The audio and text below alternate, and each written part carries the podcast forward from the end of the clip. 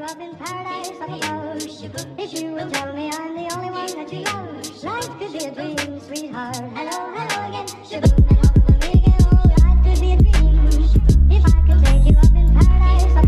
jou, jou, jou. Tell me tere tulemast the kuulama podcasti Ausad mehed. minu nimi on Kris Kala ning sa asud kuulama järjekordset episoodi Ausad mehed inspiratsioonivalangust. Mis asi üldse on inspiratsioonivalang? juhul, kui sa oled esimest korda eh, meie inspiratsioonivalangu saatel, eh, siis teadmiseks ja informatsiooniks sulle. inspiratsioonivalangu saated siis keskenduvad eh, sellele, et me püüame anda sulle võimalikult äh, lihtsalt, võimalikult kiirelt ja võimalikult praktiliselt edasi informatsiooni ehk mingisugust väärtust, mis sinu elu justkui parandaks. ja, ja kui üldjuhul meie ausad mehed saated on siin sellised tunnised, natuke isegi enamad, pikemad, vabandust, siis äh, inspiratsioonivalangu mõte on siis olla selline nii-öelda quick fix, äh, nüüd kohe ja pumm, rusikaga näkku ja info olemas. et just, just nii on ja need saated on üksinda, juhul, juhul kui sa esimest korda seda kuulad, siis meie saated on üksinda, et teen kas mina või teen Martin aeg-ajalt neid ja ülejäänud saated on meil siis koos. Vabandaksin eelkõige enda kuulajate ees, tähendab meie kuulajate ees, vabandaksin teie ees, kuulajad.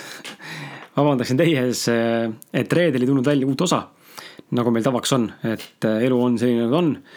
ja, ja kuna me seda ikkagi oma vabast ajast teeme, siis paratamatult kõik tegevused alati ei mahu nii-öelda iga, igapäevakavasse sisse ning mõnikord ei ole ka teemat, millest rääkida ja just seesama juhtus ka sellel reedel, et meil ei olnud Martiniga sellist konkreetset teemat, millest oleksime võimelised väga-väga soravalt ja usinalt teiega rääkima.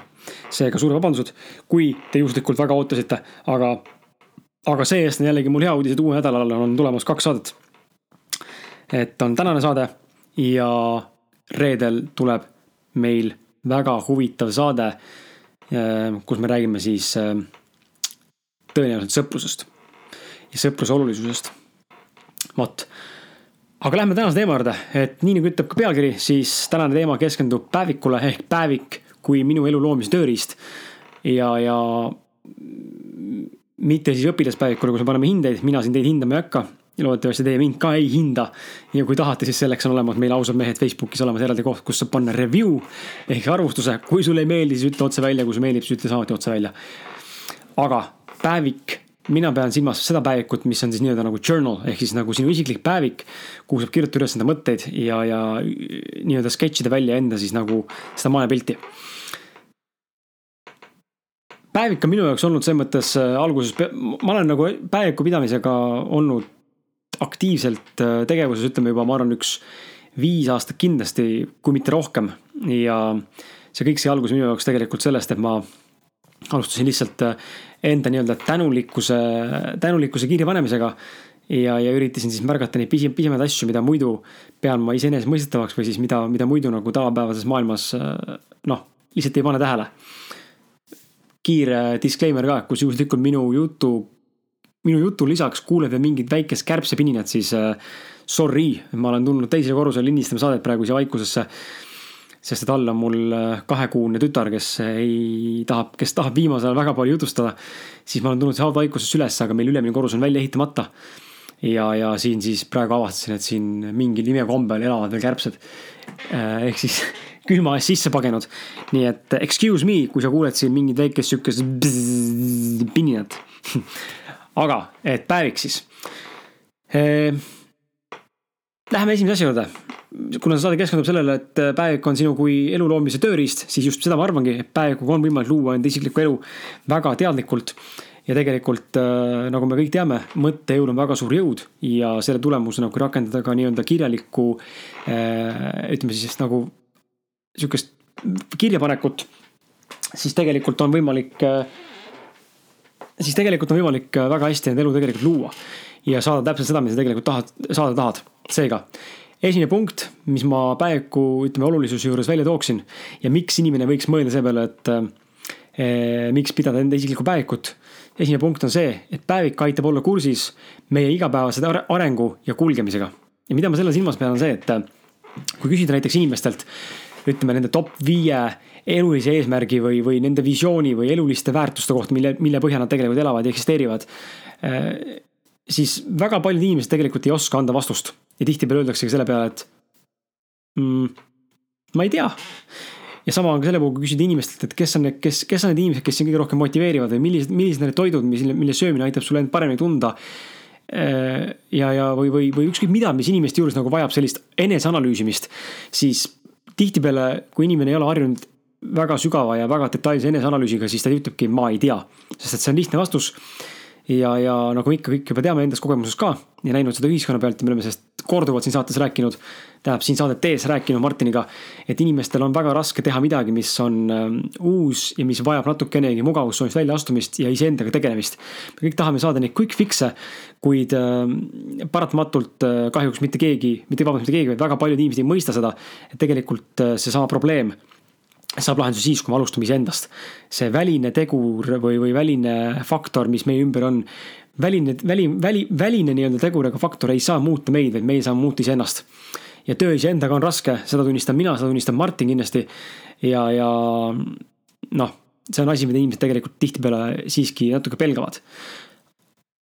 ja vastus on, nagu ma ütlesingi, vastus on ei tea, on ju, okei okay aga, aga see pole hullu, selles mõttes, et päevik ongi, see päevik aitabki siis nagu seda vastust ma ei tea, muuta nagu selgemaks, detailsemaks, sest et läbi päeviku kirjutamise ja päevikusse nii-öelda enda mõtete väljaelamise või enda analüüsimise, sul, sul tekib võimalus ennast paremini tundma õppida. sest et kui sa paned midagi kirja ja loed seda näiteks uuesti kaks päeva hiljem või kasvõi kuu aega hiljem või aasta hiljem, siis tegelikult oled sa võimeline võib-olla rohkem informatsiooni, mis seal kirjas on, nüüd nagu analüüsima ja mõtlema, et issand, miks ma niimoodi kirjutasin või, või kust võis tulla mu selline sõnakasutus või selline arusaam või selline lähenemine mingile sugusele elulisele asjale. ja, ja ja kass on ka mul siin seltsis. ja, ja nii on, on ju, ehk siis ja miks on see eneseanalüüs nii oluline, me oleme Martiniga samuti sellest äh, pidevalt rääkinud, on see, et kui me suudame nagu selgemini mõelda äh, ja just nagu kaasa mõelda endaga või teiste inimestega. ehk siis analüüsiv, meie, meie see analüüsiv pool on hästi tugev, siis tänu sellele me oleme nagu pidevalt äh, mm, ütleme pikk, nagu parema ja efektiivsema kaasamõtlemise oskusega kaasneb see, et me mõtleme selgemalt. ja selgem mõtlemine toob tegelikult meile paremaid valikuid, sest et me teame, mida teha, kes me tegelikult oleme, usaldame siis ennast, on ju, me tunneme ennast. Eh, millega me saame hakkama, millega me hakkama ei saa, on ju, ja tänu parematele valikutele omakorda langetame paremaid otsuseid ja, ja nagu me teame, tänu, tänu parematele otsustele on ju, või siis tänu kehvematele otsustele on see, mis siis lahti rullub, on ju, ehk siis tulevad ka tulemused ja, ja seega it's all connected, seega kui me õpime ennast tegelikult tundma ja ennast nagu kõrvalt analüüsima ja ennast analüüsivalt ka väljendama, nii nagu me kirjutaksime, ma ei tea, a la koolis esseed või mingisugust kirjandit, kus iga lause läbi mõeldud, siis tegelikult me näeme seda, et meie see, see jutuiva, mida me tahame öelda, nagu muutub selgemaks. ja sellepärast ma näen ka, et see podcast näiteks on väga suur, väga suur eelis olnud selle juures, et me õpime Martiniga ennast paremini tundma ja ka eneseväljendusoskus nagu muudkui kogu aeg areneb ja paraneb, sellepärast et sest et noh, meil on, kui me tahame midagi teiega jagada, siis on minu eesmärk ju teha nii, et see, mis ma praegu siin räägin, jõuaks sulle kohale selliselt, et. et, et ka viieaastane laps saaks sellest võib-olla aru, on ju. ehk mida lihtsamalt me saame aru, mida me tegema peame, seda, seda paremad tulemused tegelikult saame, seega. Äh, lühidalt jälle kokkuvõtvalt, sinu, sinu eneseanalüüs saab alguse eneanalüüsi, analüüsist, aga see jõuab selleni välja, et sul on õiged mõtted. mõtted toovad otsuseid, enne otsused toovad õigeid valikuid ja õiged valikud toovad paremaid tulemusi ja tulemused toovad paremat elu ja nii see on. ehk siis äh, that's nii on ju ühtlasi, mida ma näen näiteks on see, et ehm, kui oluline tegelikult, eh, kui oluline tegelikult enda igapäevaste nagu tegemiste, eesmärkide, saavutuste ja ka ütleme siis nagu selliste eh, tegemiste kirjapanek, sellepärast et nagu öeldakse, elus võidavad need, kes on kõige näljasamad ehk siis hungry on ju, hungry for change, hungry for success. ja võidavad need, kes on näljased ja need, kes teavad, mida nad tegelikult jahivad ning on enesekindlad ja julged. tarkus ei ole alati see, millega tegelikult läbi lüüakse, vaid pealehakkamine ja julgus ning ahnus on tege-, on ahnus tegutsemise järel just, on see, mis tegelikult viivad eduni. ja, ja kui me hakkame igapäevaselt teadlikult jälgima ja kirja panema seda, mida meie, mida me tegelikult teeme igapäevaselt ning mis meil õnnestus ja mis meil ei õnnestunud, siis, siis me nagu hakkame nägema neid pisemaid asju ka ja just neid, just neid, just seda õnnestumise poolt, seda positiivset külge. et need pidevad õnnestumised saadavad meil lõpuks tegelikult aju, äh, ajusse väikest sihukest, ütleme, dopamiinivalangut. mis omakorda tekitab meis nii-öelda heaolu ja rõõmutunde.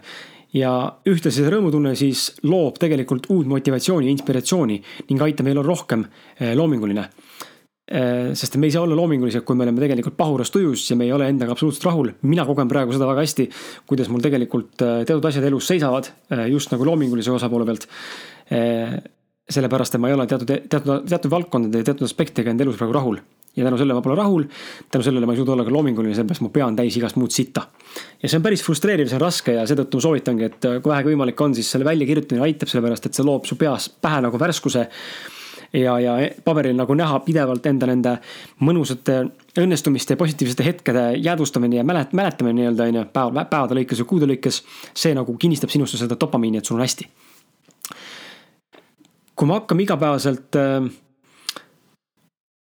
nüüd planeerima, on ju, enda, näiteks enda päeva samamoodi, siis ka päeva planeerimine, ehk siis me üritame paberile hommikuti näiteks võtame lahti enda päeviku, üritame kirja panna enda nii-öelda nagu visuaalis, visualiseerides enda päeva nagu tulemini, ma tahan täna teha trenni, ma tahan täna tõsta sellist raskust, tahan joosta nii kiiresti, ma tahan süüa seal, ma tahan kohtuda selle inimesega, ma tahan, et see inimene teeks nii ja naa, on ju. Ehk enda elu teadliku loomine saabki alguse tegelikult sellest, et sa hakkad panema kirja päevikusse enda nii-öelda nagu eesolevat eh, või noh, käesolevat seda nii-öelda nagu päevasündmustikku. isegi siis, kui see nagu sada protsenti nii ei lähe, siis ma garanteerin, et midagi läheb ikkagi nii, nagu sa tegelikult kirja panid. sest et kui sa oled seda kirja pannud, siis sellest on saanud justkui plaan ja eesmärk. ja kui sa, öeldakse selle kohta, et if you fail, if you fail to plan, you plan to fail. ehk siis kui sa ebaõnnestud planeerimises, siis sa tegelikult planeerisid ebaõnnestumist. ja seetõttu minu meelest on ülimalt oluline olla kogu aeg teadlikult, kogu aeg teadlikult ja eneseanalüüsivalt, kogu aeg kohal igas oma hetkes ja planeeridagi seda päeva, mis sul ees on. just, just päevikusse kirjutades, millist, millist nagu mm, sammu seda nagu tahad teha ja mis on nagu see suund, kuhu sa tahad jõuda, on ju, sest et see on ülimalt oluline. ja ja mida varem sa hakkad nagu, mida, mida varem sa tegema hakkad, seda kiiremini hakkad sa märkama tegelikult seda, et elu on justkui nagu filmi loomine. me tegelikult ise kirjutame enda filmi ja see film ongi meie igapäevaelu. me ise kirjutame enda filmi valmis ja see film rullub täpselt niimoodi, nagu meie tegelikult seda kirjutame. aga see võtab natuke distsipliini, natukene aega, natuke eneseusku eh, ja, ja, ja sihukest südikust, et seda asja ära teha väga hea viis näiteks veel, kuidas eh, aitab olla kursis meie igapäevase arengu ja kulgemisega see päev kirjutamine on näiteks õhtuti. on enne magamaminekut olla tänulik selle eest, mis meie, meiega täna juhtus. ehk siis meenutada taaskord jälle enda eelnev, enda möödunud päeva ja panna kirja nagu selles vormis, et ma olen tänulik, et see juhtus see. ma olen, mul on hea meel, et juhtus nii. mul on hea meel, ma kogesin seda, mul on hea meel, ma nägin seda inimest ehk siis nagu tõesti, tõesti nagu tunda südamest, et sul ongi nagu hea meel ja sa oledki tänulik, sest et iga situatsioon, iga kogemus, iga inimene tuleb meid tegelikult midagi õpetama meile ja jagab meile tegelikult mingit õpetavat äh, kogemust või kogemuslikku kogemust, kui me seda ise tegelikult äh, tahame sellisena võtta. ehk siis ükski asi elus ei juhtu niisama juhuslikult, vaid pigem, äh, pigem on alati mingisuguse sündmuse, iga mingisuguse asja taga on alati mingi positiivne põhjus. number kaks, mida ma olen tähele pannud päeva kirjutamise juures, miks see on oluline, on see, et kasut-, kasut-, päevikut tuleks kasutada enda päevaste mõtete läbielamiste kirjapanemiseks, nagu me, nagu ma mainisin ka. sest et taaskord läbielamiseks ja tähendab taaskord läbi elades ja, ja nende sündmuste analüüsimine on see, mis loob meile selle, et me saame aru, milliseid valikuid siis tulevikus paremini teha. ja, ja mina isiklikult usun väga seda, et iga päev on meil võimalus midagi uut õppida, seda räägivad väga paljud inimesed, keda, keda võib-olla satute lugema. kes on ka sellised suured mõtlejad võib-olla ja, ja on edukad, rikkad ja, ja mis iganes veel. mina neist mitte ükski veel ei ole, on ju, aga ma tunnen ka, et minul on see nii külge jäänud see, ma usun, et iga päev on midagi. et igas päevas on midagi, mis justkui aitab mul ennast nagu paremini tundma õppida ja aitab mul kohaneda selle maailmaga veidi paremini. ja, ja, ja ma usun, et ülimalt oluline õppimine igapäevaselt. ja, sest et väga halba on, kujutage ette, kui sul on nagu ütleme, teadmiste karikas, mis saab täis siis kui karikas saab täis, siis tegelikult see tähendab seda, et sa oled jõudnud omadega nii-öelda nagu omadega eh, noh, viimase tasemele, kust enam edasi minna ei saa. Eh, Fio finito on ju.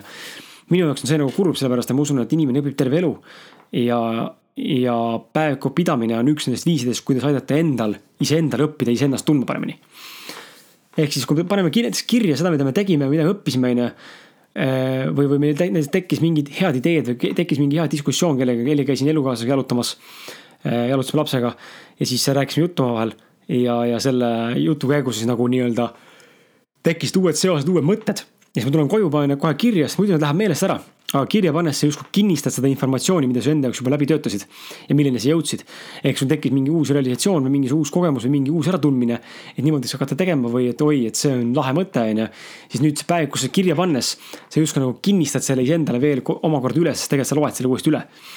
ja siis sul on võimalik omakorda veel päeviku samal üle lugedes ja kirjutades ka mõelda kaasa, mida sa tahaks lisada ja täiendada võib-olla oma mõtteid. sest et võib-olla, võib-olla nagu tund aega hiljem on sul midagi uut või midagi uut juba sul nii-öelda ajul nagu sulle pakkuda.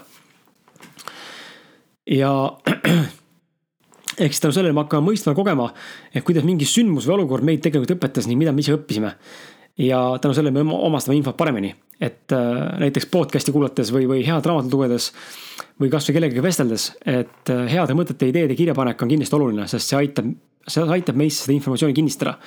et äh, mul on väga palju erinevaid kvote näiteks, mida ma saanud raamatust, peaaegu kakssada viiskümmend tükki. mida ma olen kõik endale kirja pannud päevikusse, mis on hästi sellised, mis nagu raputavad. ja, ja, ja huvitav on näha, et see on nagu need kvoodid erinevatest raamatutest, mida kokku võtta, mis mulle meeldivad. ma ei ole nagu teadlikult teinud seda, aga ma ükskord üritasin vaadata seda sadat esimest kvooti umbes ja need kõik kukuvad sellises, ütleme.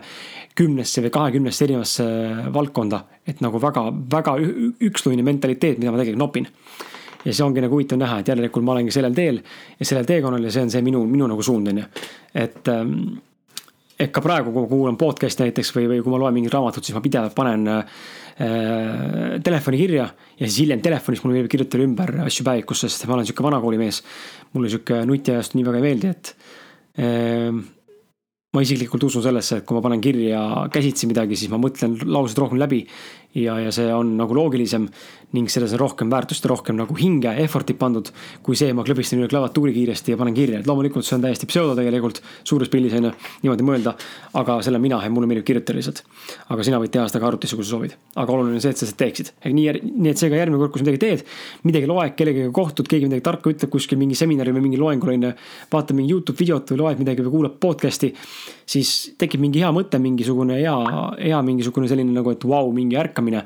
siis pane see kirja endale päevikusse või kuskile arvutisse Eh, tekita endale mingi fail, kus sul on kõik asjad olemas siis. number kolm, miks päeviku pidamine on oluline minu meelest, on tänulikkuse väljanäitamine, millest ma tegelikult alustasin ka. minu teekond päeviku pidamisega saigi tegelikult alguse raamatust The Secret, mis siis tegelikult propageeris seda, et me peaksime olema tänulikud. ja, ja ma küsiks võib-olla niimoodi, et kui palju sina oled, kallis kuulaja, igapäevaselt tänulik selle eest, mis sinu elu, elus tegelikult olemas on kui palju sa tegelikult tunned sisimas tänulikkust enda elu nagu olemasolu juures? või oled sa pigem see inimene, kellele meeldib ikkagi vinguda, iniseda, ohkida ja leida põhjuseid, miks elu nagu sakib? et siin, see on nagu sügav, sügav mõtlemiskoht tegelikult sellepärast, et tänulikkus on nagu lihas. et kui sa lähed trenni on ju, jõusaali või muid trenni teed, vahet pole, vahet pole, millist lihasgruppi sa treenid. mida rohkem sa ennast treenid, seda tugevamaks see lihas muutub ja, ja sama on ka tänulikkusega, sa hakkad aru saama rohkem sellest ja sa hakkad hindama ja armastama ning väärtustama enda elu rohkem, kui sa hakkad pöörama tähelepanu asjadele, mille eest igapäevaselt oled tegelikult tänulikud. ja, ja mis, mis siin elu, elus nagu üldse olemas on, sellepärast et kui me ei pööra neid asju tähelepanu, siis me tihtipeale unustame. me kipume neid unustama ja, ja see kõik tundub nagu väga selline primitiivne ja, ja teatud määral ka selline, ütleme nagu iseenesestmõistetavaks muutub see ja me ei pööra enam sellele tähelepanu, kuigi samal ajal tegelikult meil tuleks pöörata ka pisiasjadele tähelepanu iga jumala päev, sest et tegelikult hetkel, kui meil neid enam mingi hetk ei ole, siis me hakkame aru saama, kui väga tegelikult me igatsesime seda või kui väga tegelikult me sellest puudust tundsime või kui väga tegelikult me tegelikult seda hindasime. ja tänulikkuse juures on nagu hästi oluline see, et tänulikkus saab olla vaid tänulikkus ise tegelikult juba oma terminist või nagu oma olemuse poolest saab juhtuda ainult siis, kui inimene tunneb ennast rõõmsana ja õnnelikus olekuna. sest et kujuta ette nüüd, sa ei saa, sa ei saa ju olla kurb eh, ja vihane või pettunud ja nutta, aga olla samal ajal õnnelik ja tunda, tunda tänulikkust. kui sa oled kurb, siis sa ilmselgelt ei tunne ka tänulikkust, sest su mõtted on halvatud sellega, et sa oled mingist sündmusest häiritud. seega tänulikkus saabki eksisteerida ainult siis, kui sa oled õnnelik ja, ja sinu elus on kõik nagu hästi, ehk siis sa oled rõõmsas nagu sihukeses nagu joy, enjoyment, joy, joy nii-öelda jah, nagu õnne, õnneseisundis. ja see tähendab seda, et siis kui sinu, kui sind on tabanud tänulikkuse tunne, see tõeline tänulikkuse, tänulikkuse tunne, mis tuleb siit sisimast südames on ju, siis põhimõtteliselt oled sa tegelikult juba ainuüksi tänu sellele, sa tunned tänulikkust, oled sa loovas ja loomingulisus, loomingulise vormis. ja sa hakkad oma elu looma palju kvaliteetsemalt sest et õnnelikud inimesed saavutavad suuri asju elus. õnnelikud inimesed näiteks on kõige loovamad. õnnelikud inimesed on kõige vähem mürgisemad ja negatiivsemad ning õnnelikud inimesed on näiteks äh, kindlasti kõige paremad ettevõtjad ja tiimiliidrid organisatsioonides ja üldse firmades. õnnelikel inimestel on kõige suurem leek nende hinges põlemas. Selle osas, mida nad teha tahavad ja õnnelikes inimestes on, on, on olemas südikus, mis aitab meil elus asju saavutada. seega, kui me tahame olla õnnelikud, siis mina isiklikult näen küll, kuidas tänulikkus on mind teinud õnnelikumaks iga kord, kui ma kirjutan enda päevikusse midagi, mille eest ma olen tänulik, siis see tekitab minus sellist nagu väga suurt õnnetunnet. ja siin ei ole, noh, mul, ma ei oska paremini sõnastada, see lihtsalt on niimoodi. et ma, minu isiklik soovitus on see, et proovi, katseta seda, proovi panna kirja asja, mille eest tänulik oled ja vaata, kas tekib sihuke tunne, et oh,. vabandust ma ei tea, mis värk on, ma hakkan hajutama minu pärast siin, hapnikupuudus äkki. aga pane kirja endale tänulikkuse asjad. see nimekiri, mille eest tänulik oled oma elus ja, ja vaata, kas tunned sihukest nagu õnnetunnet või sellist nagu, et oh, kuidagi hea on olla. Äh, ühtlasi mulle meeldib tänulikkuse kirjutamine nagu väga ja ja nagu ma ütlesin, ma olen teinud seda juba aastaid ja see töötab väga võimsalt, kui suuta seda teha tõelise tänulikkuse tundega mulle meeldib lause, eh, mille tegelikult sain Robin Sharma enda ühest suurelt iidoli raamatust, kuid mis pärineb tegelikult ühest pärsia vanasõnast ja see on umbes niimoodi. ma vandusin ja kirusin selle, selle üle, et mul ei olnud jalatseid, kuni ma nägin meest, kellel polnud jalgu. ehk kui me hakkame aru saama sellest perspektiivi küsimusest, siis tänulikkuse aspekt tegelikult muutub nagu sügavamaks ehk siis me tegelikult vingume, me ühiskonnas oleme harjunud äh, vinguma mingite pseudoasjade üle. meil pole, meil pole piisavalt ilusad riided, äh, mul pole piisavalt palju raha, on ju. Äh, mul on pandud vale, vale piim sinna kohvi sisse. liiklus on, liiklus on aeglane, on ju, tossupaelad pole õiget värvi. ma ei tea, wifi on veidi aeglane noh, mis iganes veel on ju, et me oleme harjunud nagu vinguma, inisema mingite pseudoasjade üle, mis tegelikult suures pildis nagu mitte mingisugust väärtust, aga mitte mingisugust nagu loogilist seletust meile tegelikult ei too. ja me oleme unustanud selle, mis tegelikult on tähtis. ja, ja kui me hakkame mõtlema selle peale nüüd, et need asjad, mis on iseenesestmõistetavad, siis tegelikult need asjad ei ole iseenesestmõistetavad, sellepärast et näiteks kasvõi see, et me saame näha, me saame kuulda, me saame rääkida, me saame joosta, me saame kõndida, me saame nuusutada, me saame maitsta, me saame elada. Need kõik tegelikult on ju niivõrd crucial ehk siis nagu sellised nagu hästi olulised, äh, olulise kaalukausega asjaga, sest et noh, kujuta ette nüüd, kui sa oleksid pime näiteks, noh. milline, milline ime on nagu näha neid värve ja seda maailma, mis see maailm meile pakub tegelikult. seega iseenesestmõistetavad asjad tegelikult, mida me, mida me nimetame nendeks iseenesest mõistetavateks asjadeks. Need tegelikult on kõik väga-väga olulised, kui me hakkame sellele pöörama hoopis teistsugust perspektiivi ja tähendust selle andma. et see, ma saan iga päev voodist üles tõusta ja liikuda, see mul olemas äh, imeline suhe.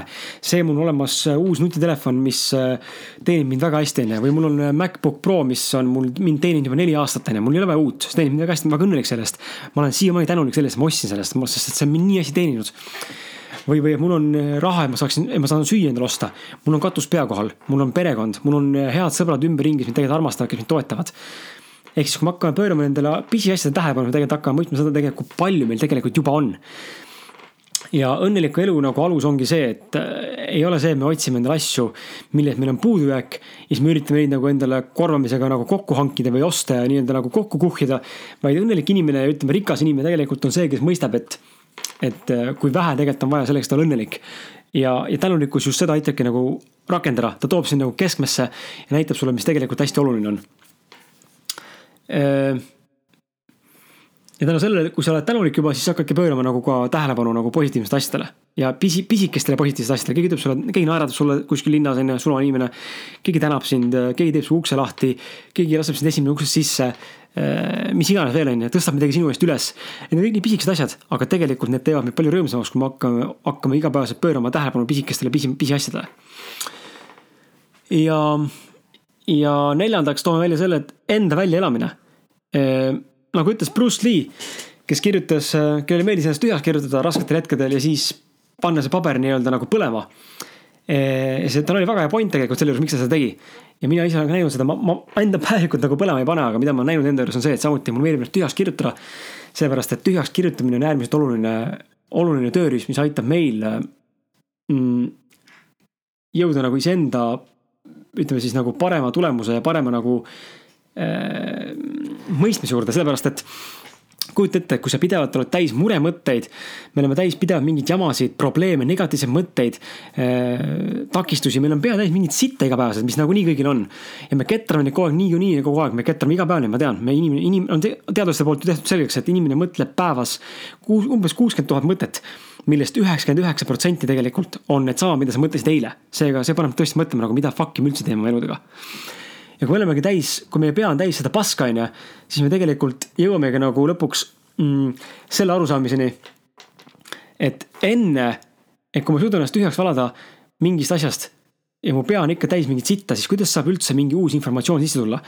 ja see ongi põhjus, miks tuleb ennast, miks see on nagu hästi oluline päevikus, päevikut pidada, sellepärast et see annab meile võimaluse ennast välja elada ja ennast tühjaks valada, et meie peas olev informatsioon saaks justkui nagu vahetuda.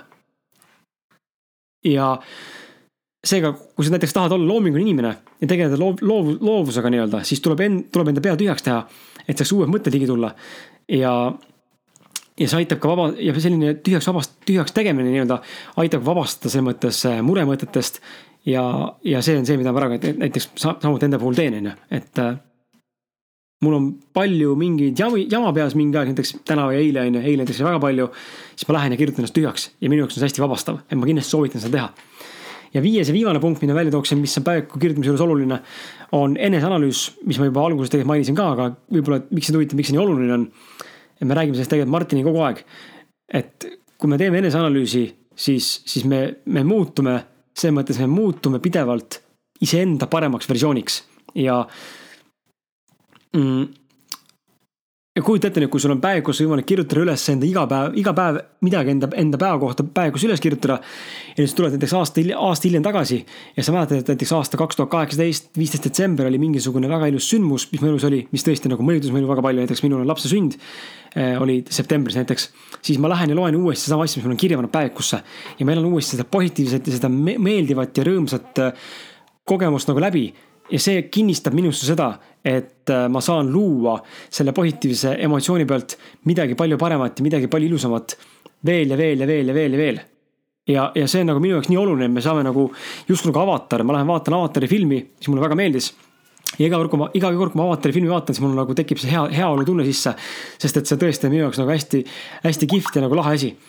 ja, ja see ongi see asja, see ongi päeviku, päeviku võlu, et sa saad nagu ennast pidevalt nagu ennast nagu pidevalt kinnistada sellesse positiivsesse mõttemaailma ja mustrisse.